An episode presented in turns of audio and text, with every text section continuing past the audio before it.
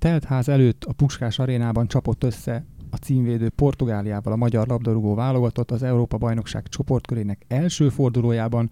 84 percig jól tartotta magát Márko Rossi csapata, a hajrára azonban elfáradt és végül 3-0-ás vereséget szenvedett.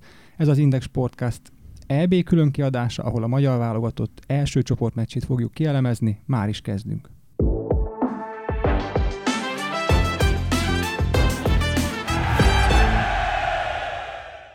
Köszöntöm a hallgatókat, Ilko Miklós vagyok, ez az Index Sportcast. Ahogy ígértem, a válogatott mérkőzését fogjuk kielemezni szakértőnkkel, Bene Ferenccel. Üdvözöllek a stúdióban. Tiszteltek, köszöntök mindenkit, üdvözöllek. És itt van velünk Borbé László, az Index sportújságírója is. Sziasztok, én is köszöntök mindenkit. Nos, hát kezdjük is az elején. Jól kezdtük a mérkőzést, viszonylag sikeresen tudtuk semlegesíteni a portugálok támadó játékát. Ugye külön kiemelhető, hogy a két szélen Rafael Guerreiro és Nelson Szemédónak a, a felfutásait, beadásait azokat tudtuk semlegesíteni. Próbáltuk ugye szűkíteni a területet, ugye az ötvédős rendszer viszonylag hatékonyan működött, egészen 80 percig. Mi történt a 80 perc után?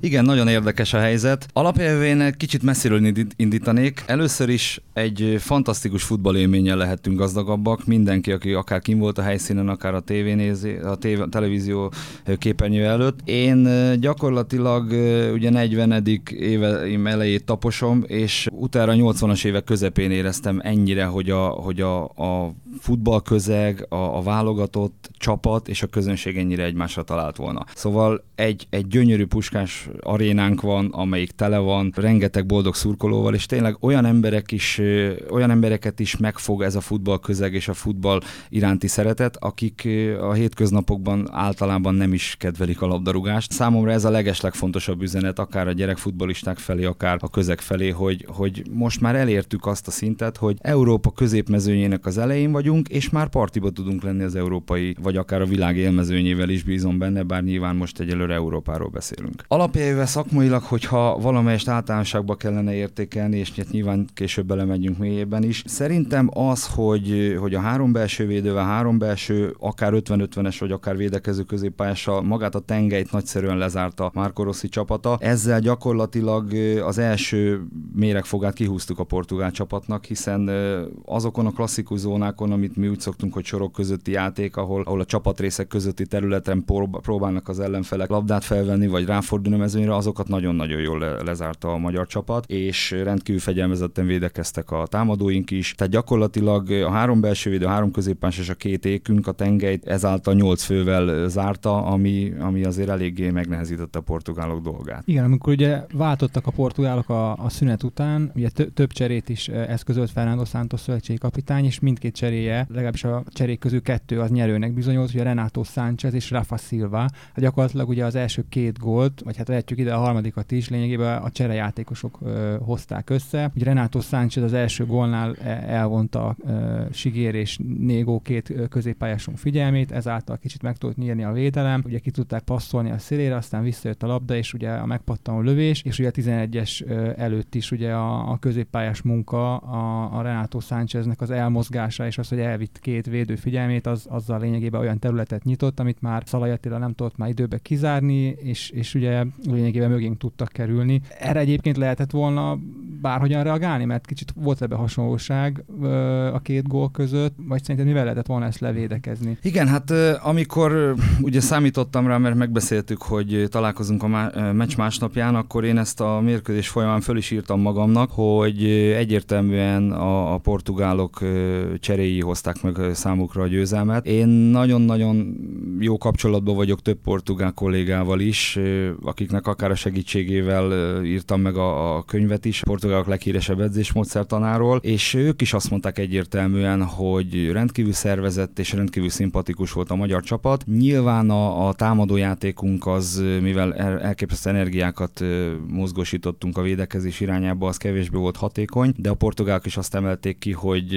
sokkal könnyebb dolga van a portugál szövetségkapitánynak, hiszen rendkívül erős a kispadjuk, és itt egy hatalmas különbséget jelentett az, hogy ugye itt, ahogy említetted is, akár Rafa Silva, akár Renato Sánchez beállásával az egy, az egy kulcsmomentum volt mind a kettő. Hogyha, hogyha szakmailag mélyebben nézzük, azért Danilo és Carvalho személyében a két védekező középpályás elképesztő hatékonysággal szűrte meg azokat a kontratámadásainkat, amikkel próbálkoztunk, és ugye amikor a mérkőzés vége felé egyértelműen látszódott, hogy az eredmény számunkra kedvező, és hát telik az idő, akkor a, a ugye a portugál kapitány nagyon jól fölgyorsította a csapatot Rafa Silva személyében, aki sokkal több mélységi mozgást indított a kapu felé, tehát sokkal agilisabb, sokkal agresszívabban támadó stílusba futballozott, mint előtte Bernardo Silva, és Carvalho helyett pedig, aki egy egyértelmű védekező középás, és mondom, nekem nagyon-nagyon tetszett ez a páros, tehát hosszú távon nagyon-nagyon nagy értéke lehet a portugál csapatnak, de mivel itt az arányokat meg lehetett kockáztatni, egy kicsit elmozdítani a támadójáték irányába, egy, egy nagyszerű taktikai csere volt Renato Sánchez beállítása. Szerintem iskola példája volt annak, hogy ebben, a, ebben az elmozgó rendszerű 4-2-3-1-ben egy, egy pici arányváltoztatással a, a 6-os, 8-as pozíció variálásával Renato Sánchez egy kulcs, kulcs csere volt. Ha már a cserékről beszélgetünk, Laci, te, mint a, a számok embere, hogyha nevezhetünk így, kérlek, hogy helyezd kontextusba a, ezt az egész dolgot, hiszen itt az adás előtt beszélgettünk róla, hogy a portugáloknak van nem egy olyan játékos, akinek a piaci értéket jóval nagyobb, mint a teljes magyar kereté. Csak hogy a hallgatóink is még jobban átlássák, esetleg aki nem látta a mérkőzést, vagy nincs annyira képbe, hogy, hogy hová lehet helyezni a portugál válogatottat, és mellette hová a magyar. Hát a portugál válogatott keretének összértéke azt hiszem, hogy kevésen 700 millió euró alatt van, a magyar az 74,5 millió, ez egy elég nagy differenciát mutat. Ahogy, ahogy így a felvezető írásaimba írtuk, a minden csoportriválisaink közül mindegyik csapatban van legalább egy olyan játékos, amely egymaga önmagában többet ér a transfermárt piaci értékelése szerint, mint az mi egész keretünk. Nyilván ebbe belejátszik az is, hogy a legértékesebb magyar játékos Szoboszlai Dominik sérült, illetve Kal- Kalmár is sérülése bajlódik és kihagyja az EB-t. Ettől függetlenül ebből, ebből is látszik, hogy hatalmas különbség van, miközben a, valóban ilyen Bruno Fernándezek vannak az egyik csapatban, akik azt hiszem 80 vagy 90 milliót érnek, ne, már, már önmagában több, mint nálunk. És akkor a cseré, csereposzton megint ugyanazt lehet nézni, hogy ez a portugál válogatott azért is volt szerintem a legjobb 2016-ban, mert nem, nem feltétlen azért, meg sztárok alkották, hanem csapatként voltak nagyon egységesek. Most ez ugyanúgy megmaradt, de ehhez a csapathoz még hozzájött a Ruben Dias, Joao Félix, Zsotta, Bruno Fernández, úgyhogy csak erősebb lett a csapat, és ahhoz képest a 80. perc környékéig teljesen jól játszottunk, és még néhány másodpercig örülhettünk is, hogy azt hittük, hogy vezetünk. Igen, ugye 80 percig tartottuk remekül magunkat, sikerült ölni a portugálok játékát, és ugye ilyenkor a játékosok fejében már ott van, hogy na már csak néhány percet kell kibírni, és akkor lesz egy bravúr, lesz egy ilyen extra eredmény, és erre kapunk egy ilyen megpattanó gólt, ami tényleg rendkívül szerencsétlenül alakult. Ilyenkor mit tehet egy edző? Van-e bármilyen eszköze, vagy, vagy hogyan, hogyan lehet ilyenkor belenyúlni a meccsbe, hiszen azért már tényleg karnyújtásnyira volt a bravúr, és jön egy ilyen szerencsétlen kapott gól, ez lélek romboló. Igen, az igazsághoz hozzátartozik vonatkozik, hogy ilyenkor az ember mindig irigykedve figyeli azokat a sportokat, amelyekben lehet időt kérni, hiszen egy ilyen szituációban, amikor az utolsó 10 percen belül gólt kap a csapat, ilyenkor nagyon-nagyon kevés eszköze van az edzőnek, tehát nyilván kell, hogy legyen valami egyezményes jel, amikor át tudnak állni egy másik típusú játékra, fejebb tolni védekezést, vagy mondjuk átrugni a középpályát, és a, a minél hamarabb eljutatni a labdát a támadó harmadba. Ha van még hátra csere, akkor az nyilván egy üzenet a játékosoknak, hogy milyen típusú játékos jön be, vagy adott esetben az a játékos, akit becserélünk, tud információt eljutatni a csapaton belülre. Ugye láttunk erre erre sokféle példát, akár még olyat is, hogy cetliket vittek be a sportszárba gyűrve, szóval tényleg, de, de úgy tényleg érdekes találékonysága a stáboknak, de alapjában véve nem tud időt kérni az edző, nem tud közvetlen kapcsolatot teremteni a, a csapatával, tehát nagyon-nagyon nehéz. Ilyenkor az a szerencsés, hogyha van ABC mérkőzés terv, és biztos vagyok benne, hogy Marco Rosszinak és tábjának szintén volt, tehát ABC úgynevezett matchplan mérkőzés tervnek kell lennie, illetve az egy fontos dolog, dolog lenne, vagy, vagy reméljük, hogy ez egy létező dolog, hogy kell a pályán belül lenni egy olyan vezérnek, aki, aki a nehéz szituációkban magára vállalja a felelősséget, és adott esetben nehéz szituációkban kihúzza a csapatot. Én a Szoboszlai Dominikkal dolgoztam együtt a válogatottnál, utánpotlás válogatottnál, és ő tipikusan ilyen vezér volt a 2000-es korosztálynál, ahol, ahol német Antal vezetésével nagyon sikeres volt az a, az a kis ifjú 19-es csapatunk, tehát szerintem ő felnőtt szinten is lehet ilyen vezér, sajnos most nem volt a pályán, de... Éreztük is a hiányát, igen. Igen, nyilván Szalai Ádám is egy, egy, egy hatalmas vezér a csapatnak, tehát nem vagyunk azért vezérektől mentes állapotban, de mondom, ilyenkor az edzőnek azért nagyon-nagyon nehéz igazi nagy befolyást tenni a játékra. Ez nagyon-nagyon fontos, hogy ilyenkor az idő rövidsége, meg a, meg a lehetőségek korlátozott száma miatt, mert ha jól emlékszem, a, a összes csere lehetőséget is előtte addigra Márko. Tehát ez, ez pont az idő rövidsége miatt ez egy nagyon nehéz kérdés. Egy ilyen mérkőzésen, amikor nem te vagy a favorit, finoman szólva, és döntetlen rász a félidőben, akkor mit, mit tudsz mondani a szünetben a csapatnak? Alapjában az első félidővel a, a labdabirtoklás százalékokat kivéve, meg a, meg a, a támadó játékunk, tehát úgy mondjam, a támadásból átmeneteinket én egy kicsit lassúnak éreztem, tehát azon kívül nem volt probléma. Volt egy-egy játékosunk, talán Lovrenc és Kleinheisen szemében, akinél egy kicsivel nagyobb kapkodást, idegességet tapasztaltam az első félidőben. Szerintem ezeket a típusú játékosokat meg kell nyugtatni, biztatni kell alapjában az egész csapat elérte a célját, nem kaptunk gólt. Ilyenkor a legnehezebb, hogyha az első negyed órából gólt kap a csapat, azt egy-egy helyzet kivételével azért semlegesíteni tudtuk a portugál akciókat, gyakorlatilag megúsztuk az első félidőt, tehát ebből mind-mind pozitív ingereket és pozitív élményt kell demonstrálni a kapitánynak és generálnia. Nyilván azon le lehet gondolkodni, hogy, hogy a, a lapos passzokkal való labdakihozatalt azt mennyire kell erőltetni, mert nagyon sok védőharmadba elvesztett labdánk volt az első első félidőben, ami azért ez egy veszélyforrás lehet. Tehát egy ilyen mérkőzésen, amikor az egyik csapat egyértelműen megszállja a védő harmadát gyakorlatilag, mert, mert, mert Sallai és, és Szalai is szinte a saját térfölön közepén védekezett, ilyenkor kulcskérdés, hogy, hogy mikor hibázik a csapat. És alapjáéve egy ilyen típusú mérkőzésen a saját hibáinkat kell a, a lehető legjobban redukálni. Ez, ez egy hibaforrás volt, mindenféleképpen azt látom, hogy ha talán, talán olykor-olykor átrugtuk volna a középpályát, vagy, vagy nem próbáljuk meg lapos passzokkal kihozni az első félbe, akkor kevesebb hiba lett volna a játékunkba, de nyilván az se jó, hogyha átmegyünk egy ilyen csapkodásba, de az, az kétségtelen, hogy talán akkor tudtunk volna eredményesebbek lenni, hogyha, hogyha fölgyorsítjuk a labdaszerzés utáni átmeneteket, de ez, ez nyilván már, már csak kívülről ugye könnyű, könnyű az embernek okoskodnia idézőjelbe, másrészt pedig csak úgy az ember szíve mondja, egyébként maximálisan tényleg le a kalappal a csapat előtt, és, és büszke, büszkék lehetünk a, a játékosainkra. Márko Rossi a mérkőzés után úgy fogalmazott a sajtótájékoztatón, hogy nem ültek azok a cserék, amiket ő meghúzott, és ezért vállalja is a felelősséget. Viszont ugye itt adódik egy olyan általános kérdés, amiben a te tapasztalatodra és véleményedre vagyok kíváncsi, hogy ugye mégiscsak az edző látja át kívülről legjobban a játékot, és ő tudja, hogy milyen posztokon hol kell belenyúlni egy adott meccsbe, és ha rosszul sül el egy csere, ott hol a határ, hogy mekkora az edző felelőssége, és mekkora a játékos, aki beáll. Tehát, hogy ki az, akit hibáztatni lehet, vagy ha nem ilyen csúnya szóval mondjuk, de ki az, akit terhel úgymond a felelősség, hogyha esetleg egy csere nem sül el jól. Mert azért az edző nyilván ő jót akar, és ő, ő, ő, ő tudja leginkább, hogy hol lehet belenyúlni, de ha egy játékos nem úgy száll be, nyilván a körülményektől is függ, hogy egy milyen meccsbe kell beszállni, de hogy szerinted hol van ebbe a, határ?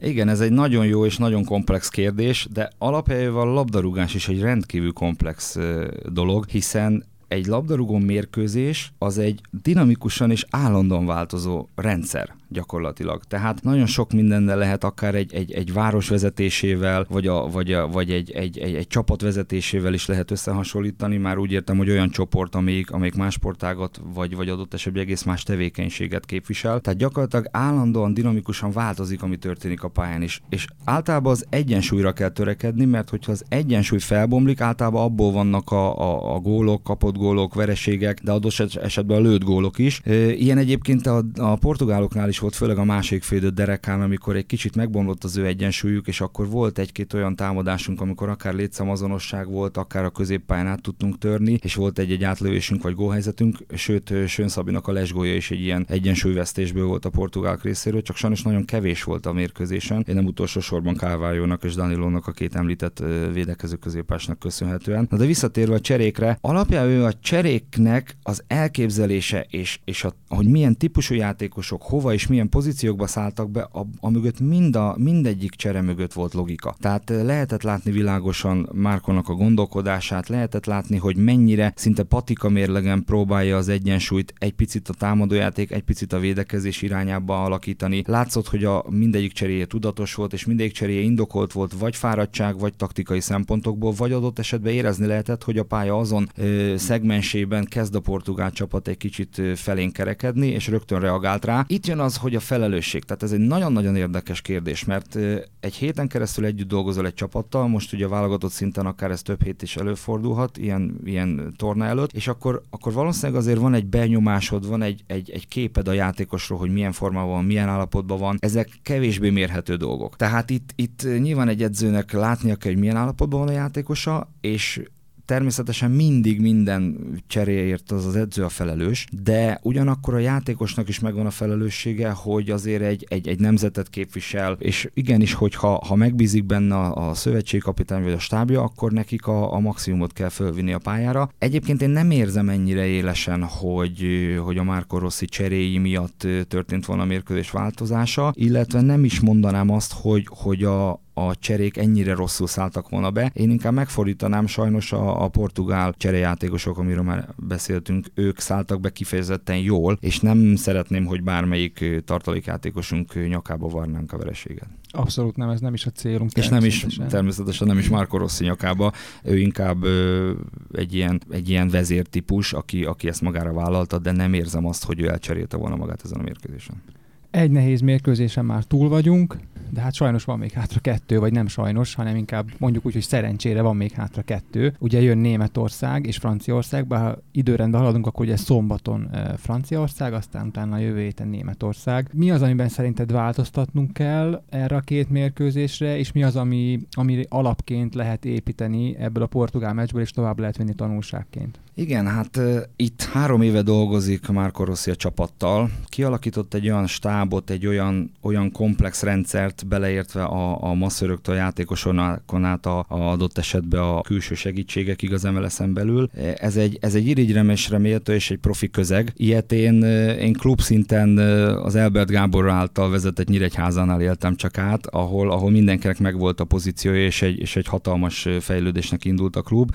Sajnos csak rövid ideig tartott, de hát azóta se volt szerintem ilyen magasságokban a, a Spari, és sajnálom, hogy azt, azt nem lehetett végvinni, de, de tényleg ez egy, ez egy zárójeles dolog, csak, csak hogy, egy, hogy érezzük azt, hogy nem csak adott esetben a, a középcsatáron vagy a szövetségkapitányon múlik a, a, a siker, hanem ahogy egy klubnak is kell, tehát mindig, mindig a klub az első, aztán a csapat, aztán az egyén. Tehát ez nagyon fontos, hogy ezeket a sorrendeket se szabad felcserélni, és ez, ez egy egyértelmű alaptörvénynek kell, hogy legyen. És itt is egy olyan működő rendszert látok, akár a, a, a Marco Rossinak a stábján keresztül a játékosokon át, hogy itt most mindenkinek össze kell fognia, mindenkinek segítenie kell a másikat, és semmiképpen sem szabad, hogy, hogy ez az előző mérkőzésnek a vereségét magával cipelje a csapat, illetve az nagyon-nagyon fontos, továbbra is azt hangsúlyozni, hogy, hogy élvezzük ki minden percét, adott esetben a játékosok is, de a szurkolók is, hogy, hogy tényleg van egy csapatunk, akik az elmúlt 20-30 év legnagyobb sikerét érik el, és, és úgy gondolom, hogy, hogy tényleg élményként kell megélni, és, és, és bátorítani, biztatni őket. Taktikai szempontból borzasztó nehéz a helyzet. Hát ugye, ugye beszéltünk itt róla, hogy, hogy akár a portugálok is, most, most a Benfica, Liverpool, Juventus, Manchester City, tehát olyan, olyan csapatokból jönnek a játékosok, hogy egész egyszerűen elképesztő a különbség. Hát sokkal jobb jobb helyzetben nem leszünk a következő meccsen se, de nyilván itt, itt nem, kell, nem kell ilyen demagóg dolgokba belemenni, hogy akkor most menjünk rájuk, meg több csatár, meg, meg ilyenek, tehát nem erről szól. Itt, itt mondom, az egyensúlyra kell törekedni, egy komplex rendszerként kell futballozni, és hát láthatjuk most egy ilyen, egy ilyen Bappebek, Benzema típusú támadókkal szemben, ha egy pillanatra is kinyílsz, azonnal megbüntetik. Itt most lehet összehasonlítani akár a, a francia-német mérkőzést is. Döbbenet. Tehát azért a német válogatott az tényleg a, a világ top szintjéhez tartozik, és, és döbbenet, hogy, hogy a franciák olykor, a, amikor pici területük is nyílt, akkor hogy szedték szét a német védekezést. Úgyhogy én szerintem továbbra is ezt a, a, az alázatos egymás kisegítésére alapuló és, és tényleg szervezett védekezést kell bemutatni. Továbbra is le kell zárni a tengelyeket, főleg, hogyha ha felállnak megint Mbappe Benzemával, akkor nem hiszem, hogy változtatni kéne a három belső védőn. Egyetlen egy esélyünk van, hogy minél tovább az eredményt tartjuk a kapott gól nélkül, tehát ameddig 0-0 az állás, addig a homokóra pereg, és mivel a, nyilván a franciák győzelemmel kezdtek, de mindenki tudja, hogy nagyon nem mindegy, hogy a csoportunkban első, második vagy harmadik helyen jut tovább az adott csapat. Természetesen nyilván nekünk sem szabad lemondani a továbbjutásról, de ezt pontosan franciák is tudják, ha másodikak lesznek, akkor nagy eséllyel az angolokkal találják szembe magukat, ha akár harmadikak, akkor lehet, hogy, hogy talán azt hiszem a hollandokkal. Nem vagyok ebbe biztos, de azt Igen, tudom, hogy... És itt Budapesten ráadásul. Na, az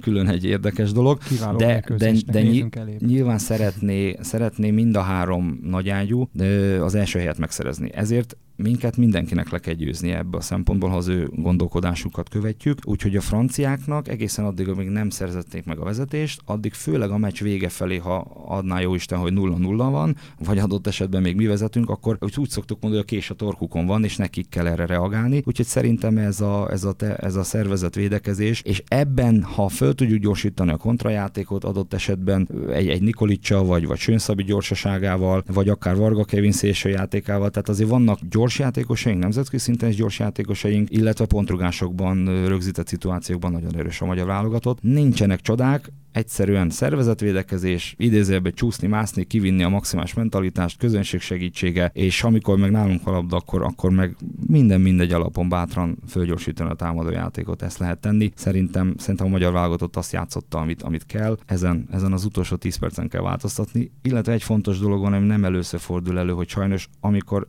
első pillanatban, amikor rossz számunkra az eredmény, tehát az első kapott gól, az, az, az ne üssön ekkorát a csapaton. Talán, ha valamibe kell fejlődni, nyilván ez nemzetközi rutin kérdése is, meg, meg egy, egy pszichológiailag egy, egy erősebb karakter kell ehhez, hogy nem szabad ez a, ez a gólra gól, ami, ami annak idején a, a 80-as években a verebesféle eltóra volt jellemző pozitív irányba, ez, ez ne üssön rajtunk ennyit. Tehát egy kapott gól, nagyon nem mindegy, hogy 0-1, 0-2 vagy 0-3, és már nem először fordul elő, hogy az egy kapott gólból 10 percen belül 2-3 jön. A csoport másik mérkőzésén, ahogy már említettük, érintőlegesen Franciaország ugye 1-0-ra legyőzte Németországot. Most ugye véget ért az első, a csoportkör első fordulója. Laci, te hogy látod a, a mi csoportunkat? Uh, ott egy picit hasonlót éreztem egyébként a francia németen, mint a, mint a mi mérkőzésünkön, hogy amint meglett a gól, a németek eléggé megzuhantak, és bár kétségbe esettem próbálkoztak uh, egyenlíteni, de hát messze voltak ettől azért. Németek játékában nem volt igazán átütő erő. Tehát próbálkoztak az egész mérkőzésen, mentek előre folyamatosan, de azt hiszem talán hogy tíz kapura lövésük volt, amiből egy sem talált végül kaput. Jó, volt nagy lehetőségük, egy, egy-kettő, a Gnabry, amikor lepattintotta a földre, de a franciák játékában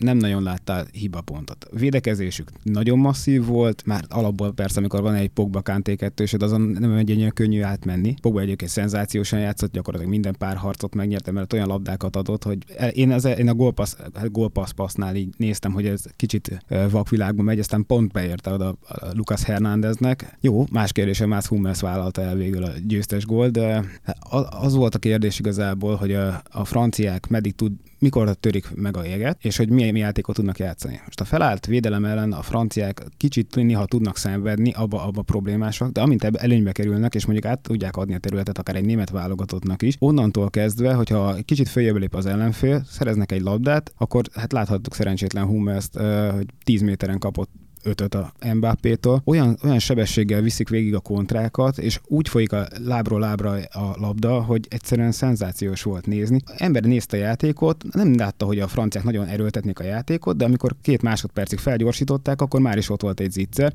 és általában egy lesgól vagy kapufa, ami, ami így, hogy mondjuk ugye szorossá tette a mérkőzést, tehát nagyon, nagyon közel volt ahhoz, hogy például, ha Pogba nem ügyetlenkedik annyira, akkor az sima második gól a Benzemánál, mert ugyanúgy kilépett volna üresbe az Mbappé, ugyan ugyanúgy üresbe ment a Benzema középen, tehát ugyanaz lett volna az egész, csak, csak egy picit lemaradt. Úgyhogy uh, nyilván a magyar válogatottnál volt egy időszak sajnos, amikor uh, mindig azt láttuk, hogy jön egy fontos mérkőzés, és addig hiába állunk akármilyen jól egy csoportba, az első 10, de mondjuk 15 percben mindig, mindig kapunk a fontos mérkőzésen egy gólt, és onnantól kezdve lehet futni az eredmény után, ami általában nem jön össze. Most ez, ez, ez ebből a szempontból szerintem kifejezetten jó, jó a csapat, hogy uh, nincs meg ez a korai kapkodás, nincs meg a korai kapott gól. Igaz, Cristiano ronaldo volt ugye ez itt az első fél időben, amikor csak megköszönhettük, hogy az üres kapu fölé passzolt, de, de tényleg, hogyha ugyanígy ezt tudjuk csinálni a franciák ellen, és ugyanígy eljutunk arra a pontra, amikor már nekik lesz sürgős kapkodni a gólért, akkor, akkor lehet, lehet megint egy ugyanilyen szép végjátékig eljutni, mint most. Nyilvánvalóan a franciáknál még hatványozottabban igaz az, mint a portugálokra, hogy a kispadról gyakorlatilag ugyanolyan világklasszisokat tudnak becserélni, és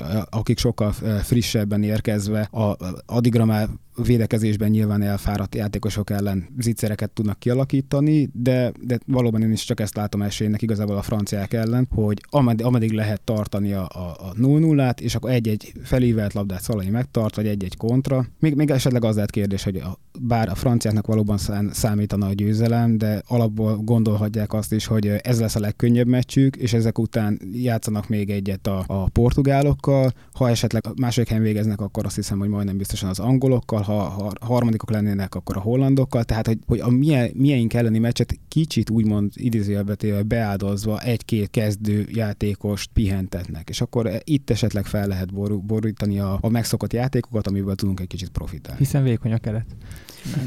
ja nem. Igen, a, most, hogy ugye véget ért a csoportkör első fordulója, és nagyon röviden szaladjunk csak át néhány fontos dolgon, és szerintem az első, amiről mindenképp beszélnünk kell röviden, az Christian Eriksen esete. Ö, ugye írtunk róla nagyon sokat, mi történt, hallgatóink vissza tudják keresni az Indexen, nagyon sokat foglalkoztunk vele, arról is, hogy mi történt a M4 Sport stúdiójában, ezekről most külön ne is beszéljünk, hanem Feri, te, mint edző és korábbi futballista, láttál-e már ilyet élőben, tapasztaltál-e ilyet, és hogy, hogy élted ezt meg a képernyőn keresztül? Hála Istennek én ilyennel élőben nem találkoztam.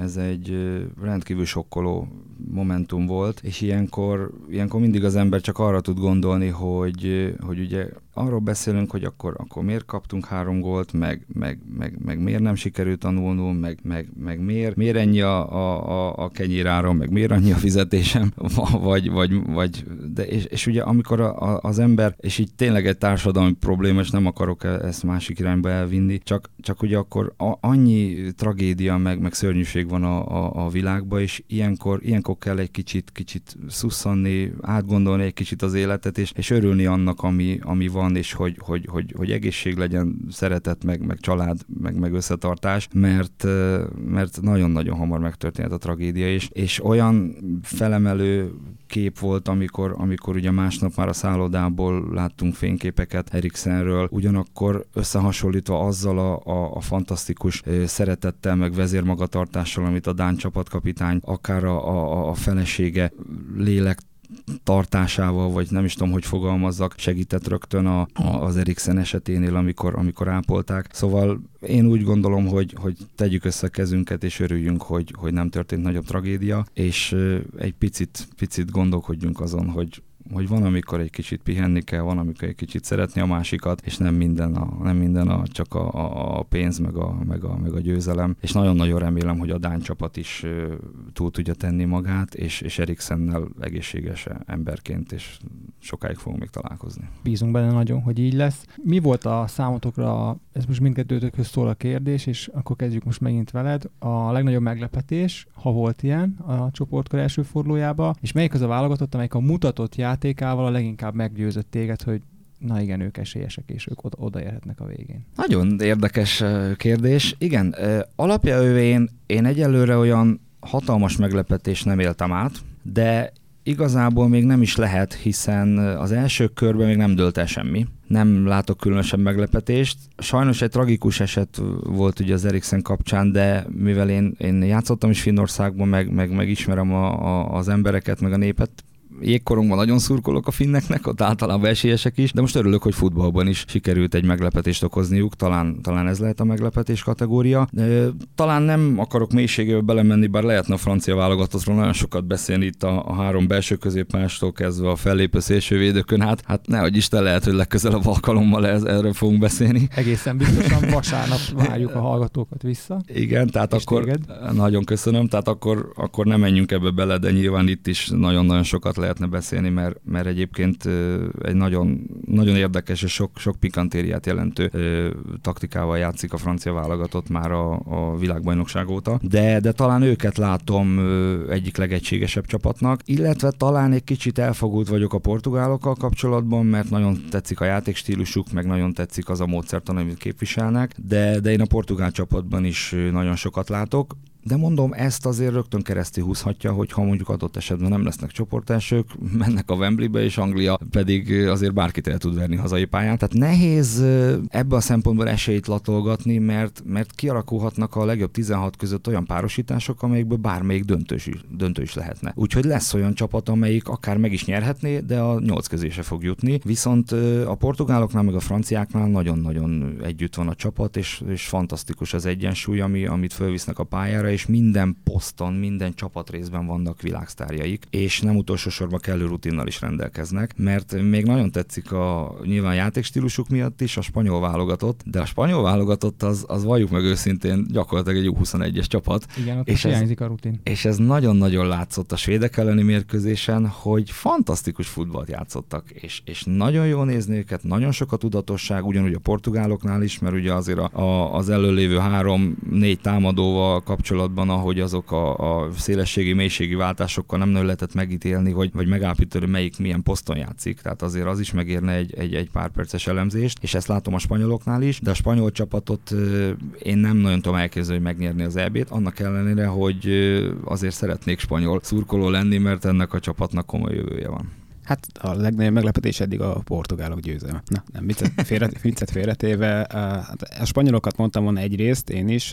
Ameddig nincs egy olyan játékosuk, akik be tudja fejezni a támadást, addig mondjuk előfordulhatnak ilyenek, és svédek annyira nem gyengék, de ez a 0-0 azért az, az szerintem ott kevesen várták, hogy pontokat fognak bukni. Nekem nagyon meglepő volt a lengyel válogatott első fél idejének gyengélkedése a Szlovákia ellen. A, ember, a másik fél elkezdve nagyon gyorsan egyenlítettek, utána ember hátrányba kerültek egy butaság miatt, és kikaptak végül. Nekem ez volt az egyik meglepetés. Meg hát nyilván a, az eredményt, meg az, az, hogy egy darab lövése volt a finneknek, abból nyertek, az, az igen, de ott ismerjük az előzményeket. Ne, nekem így ezek voltak azok, amik így ilyen kiemelkedőbbek voltak ebből a szempontból. Csapatként én is egyértelműen a franciákat látom most legerősebbnek, meg hát azért nyilván azért a lelki szemeim előtt látom azt, hogy a horvátok elleni helyzeteknek mondjuk a felét esetleg belővik legközelebb az angolok, és már is egy jobb, jobb csapatképét fogjuk látni. Ez volt már az Index Podcast. Köszönöm szépen Benne Ferencnek és Bolvé Lászlónak, hogy el elfogadták a meghívást. Ahogy említettem, vasárnap folytatjuk, ugye a Franciaország-Magyarország mérkőzést fogjuk akkor kielemezni bővebben. Ugye spoiler, hogy lesz miről beszélni, hiszen Feri már most felvetett nagyon sok témát, úgyhogy érdemes lesz velünk tartani. Mára köszönöm szépen a figyelmet, hallgathatóak vagyunk az iTunes-on és a Spotify-on is.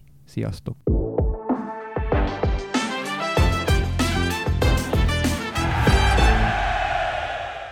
A műsor a Béton partnere.